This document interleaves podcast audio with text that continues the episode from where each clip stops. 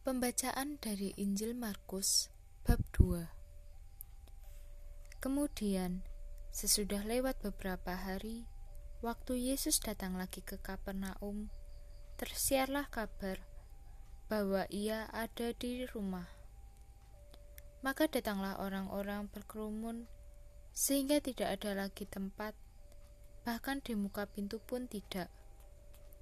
Sementara ia memberitakan firman kepada mereka, ada orang-orang datang membawa kepadanya seorang lumpuh, digotong oleh empat orang. Tetapi mereka tidak dapat membawanya kepadanya karena orang banyak itu.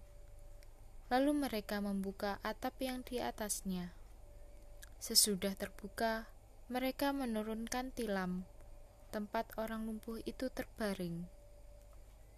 Ketika Yesus melihat iman mereka, berkatalah ia kepada orang lumpuh itu, "Hai anakku, dosamu sudah diampuni." Tetapi di situ ada juga duduk beberapa ahli Taurat. Mereka berpikir dalam hatinya, "Mengapa orang ini berkata begitu?" Ia menghujat Allah. Siapa yang dapat mengampuni dosa selain daripada Allah sendiri? Tetapi Yesus segera mengetahui dalam hatinya bahwa mereka berpikir demikian. Lalu ia berkata kepada mereka, "Mengapa kamu berpikir begitu dalam hatimu? Manakah lebih mudah mengatakan kepada orang lumpuh ini, 'Dosamu sudah diampuni,' atau mengatakan, 'Bangunlah, angkatlah tilammu, dan berjalan'?" Tetapi supaya kamu tahu bahwa di dunia ini anak manusia berkuasa mengampuni dosa. Berkatalah ia kepada orang lumpuh itu, Kepadamu kukatakan, bangunlah, angkatlah tempat tidurmu, dan pulanglah ke rumahmu.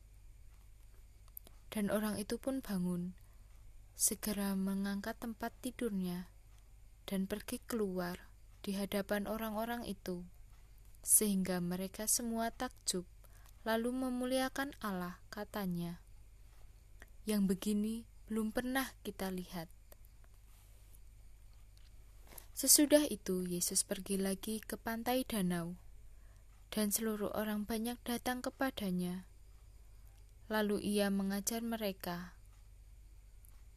Kemudian, ketika ia berjalan lewat di situ, ia melihat Lewi anak Alfeus duduk di rumah cukai, lalu ia berkata kepadanya, Ikutlah aku. Maka berdirilah Lewi lalu mengikuti dia. Kemudian ketika Yesus makan di rumah orang itu, banyak pemungut cukai dan orang berdosa makan bersama-sama dengan dia dan murid-muridnya. Sebab banyak orang yang mengikuti dia.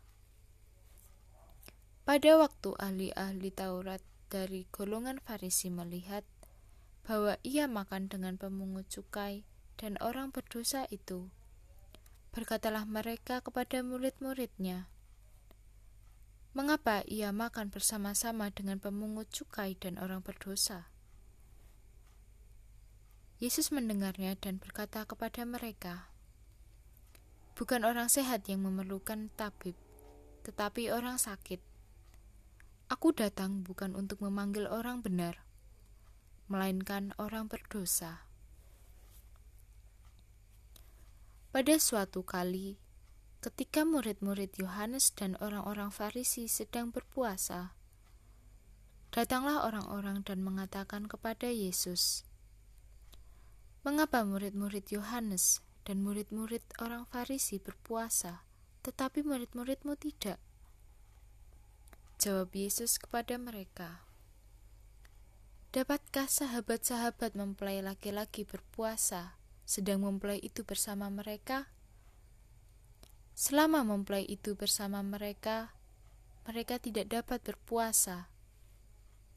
Tetapi waktunya akan datang, mempelai itu diambil dari mereka dan pada waktu itulah mereka akan berpuasa. Tidak seorang pun menambalkan secarik kain yang belum susut pada baju yang tua. Karena jika demikian, kain penambal itu akan mencabiknya. Yang baru mencabik yang tua, lalu makin besarlah koyaknya. Demikian juga tidak seorang pun mengisikan anggur yang baru ke dalam kantong kulit yang tua. Karena jika demikian, anggur itu akan mengoyakkan kantong itu, sehingga anggur itu dan kantongnya dua-duanya terbuang. Tetapi anggur yang baru hendaknya disimpan dalam kantong yang baru pula. Pada satu kali, pada hari Sabat, Yesus berjalan di ladang gandum, dan sementara berjalan, murid-muridnya memetik bulir gandum.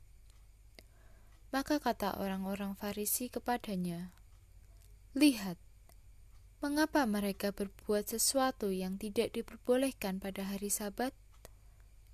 Jawabnya kepada mereka, "Belum pernahkah kamu baca apa yang dilakukan Daud ketika ia dan mereka yang mengikutinya kekurangan dan kelaparan? Bagaimana ia masuk ke dalam rumah Allah?" waktu Abiatar menjabat sebagai imam besar, lalu makan roti sajian itu, yang tidak boleh dimakan kecuali oleh imam-imam, dan memberinya juga kepada pengikut-pengikutnya. Lalu kata Yesus kepada mereka, Hari Sabat diadakan untuk manusia, dan bukan manusia untuk hari Sabat. Jadi, Anak Manusia adalah juga Tuhan atas hari Sabat. Demikianlah Injil Tuhan.